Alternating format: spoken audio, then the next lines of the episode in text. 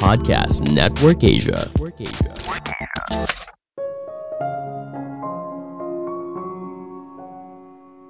Memahami manusia dimulai dari memahami dulu apa yang kamu rasakan.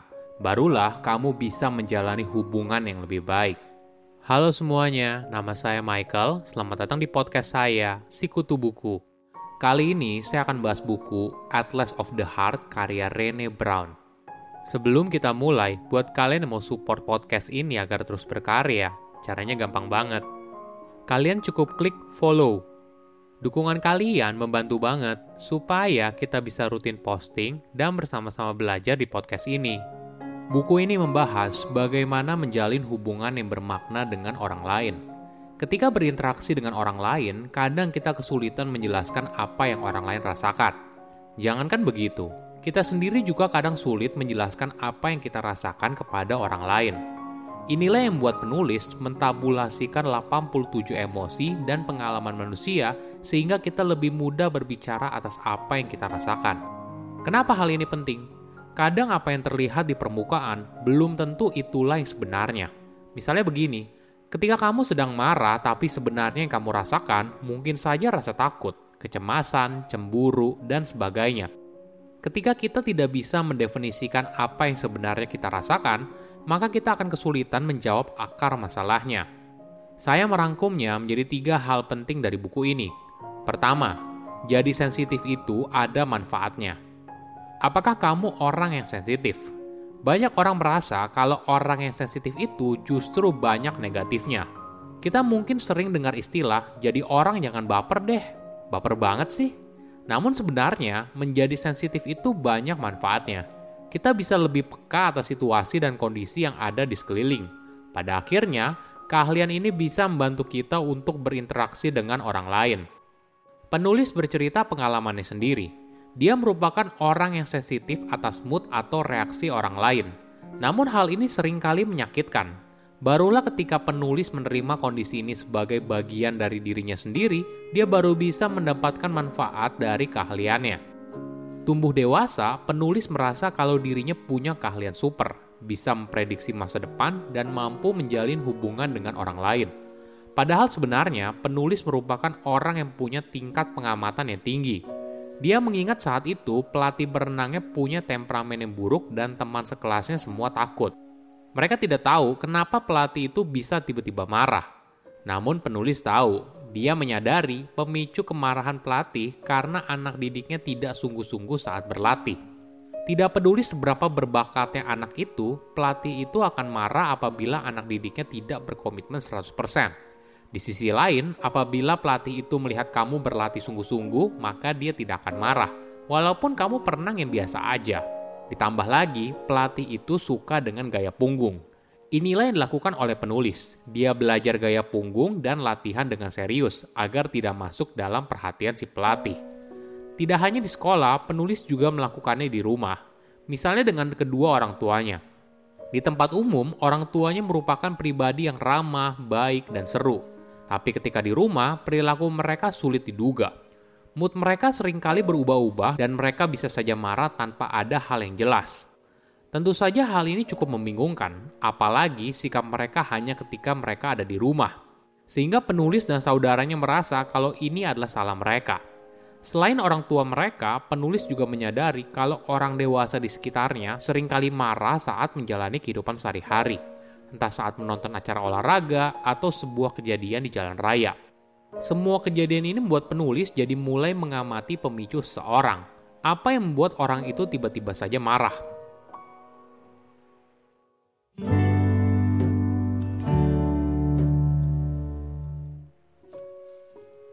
Kedua, belajar soal perasaan. Kenapa kita harus belajar soal perasaan? Tentunya tidak semua orang ingin jadi ahli dalam psikologi kan? Ada informasi yang menarik.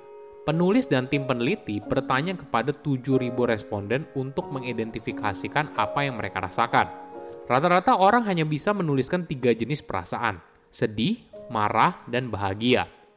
Coba bayangkan hal ini kamu merasakan sakit yang luar biasa di bahu dan ini sangat mengganggu dalam kehidupan sehari-hari.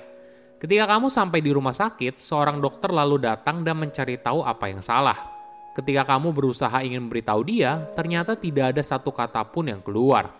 Kamu hanya bisa memberitahu area secara umum di mana rasa sakit itu muncul, tapi kamu tidak bisa memberitahu lokasinya secara detail.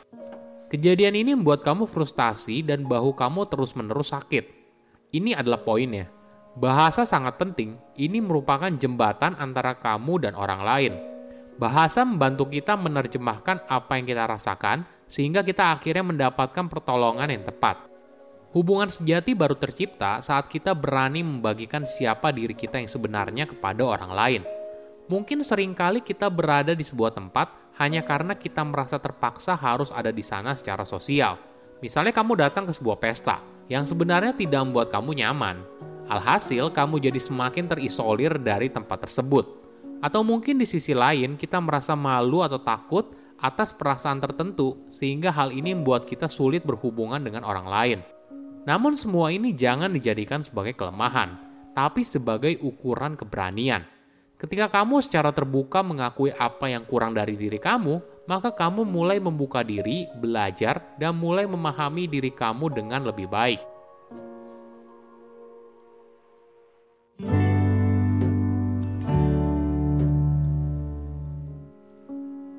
Ketiga, memberikan arti dari apa yang kita rasakan. Penulis menjelaskan berbagai tempat di dalam hati kita yang kita singgahi ketika kita merasakan sesuatu. Misalnya ketika kenyataan tidak berjalan sesuai dengan apa yang kita rencanakan, kita mungkin saja merasa kecewa. Semakin besar harapan, maka semakin besar juga kekecewaannya.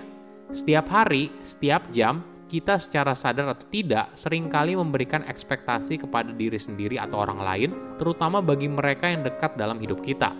Hal ini kadang berbahaya, Ketika harapan tidak sesuai dengan kenyataan, kita mungkin saja merasa kecewa. Selain kecewa, mungkin yang kita rasakan adalah penyesalan. Mungkin kita menyesal mengambil sebuah langkah, atau mungkin kita menyesal tidak mengambil langkah tersebut. Namun, yang bisa kita pelajari adalah kadang pelajaran dari sebuah kondisi yang tidak nyaman merupakan yang paling kuat. Apa yang terjadi ketika kita berusaha menjalin hubungan dengan orang lain?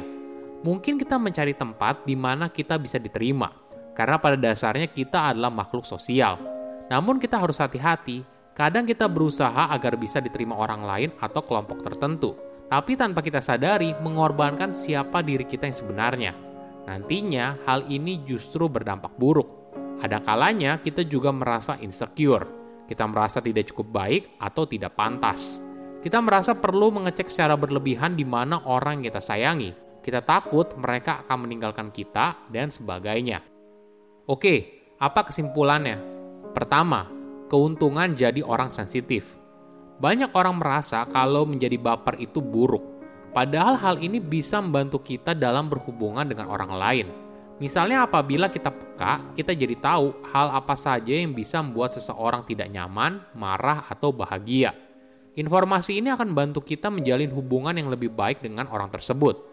Kedua, mayoritas orang tidak tahu apa yang mereka rasakan penulis dan tim peneliti bertanya kepada 7.000 responden untuk mengidentifikasikan apa yang mereka rasakan. Rata-rata orang hanya bisa menuliskan tiga jenis perasaan, sedih, marah, dan bahagia. Padahal ini merupakan keahlian yang penting untuk bisa memahami diri sendiri dan juga orang lain. Ketiga, apa yang terjadi ketika mengalami sesuatu. Misalnya ketika kenyataan tidak berjalan sesuai dengan apa yang kita rencanakan. Kita mungkin saja merasa kecewa, Semakin besar harapan, maka semakin besar juga kekecewaannya. Setiap hari, setiap jam, kita secara sadar atau tidak sering kali memberikan ekspektasi kepada orang lain atau diri sendiri, terutama bagi mereka yang dekat dalam hidup kita. Hal ini kadang berbahaya. Ketika harapan tidak sesuai dengan kenyataan, kita mungkin saja merasa kecewa. Saya undur diri, jangan lupa follow podcast Sikutu Buku. Bye-bye.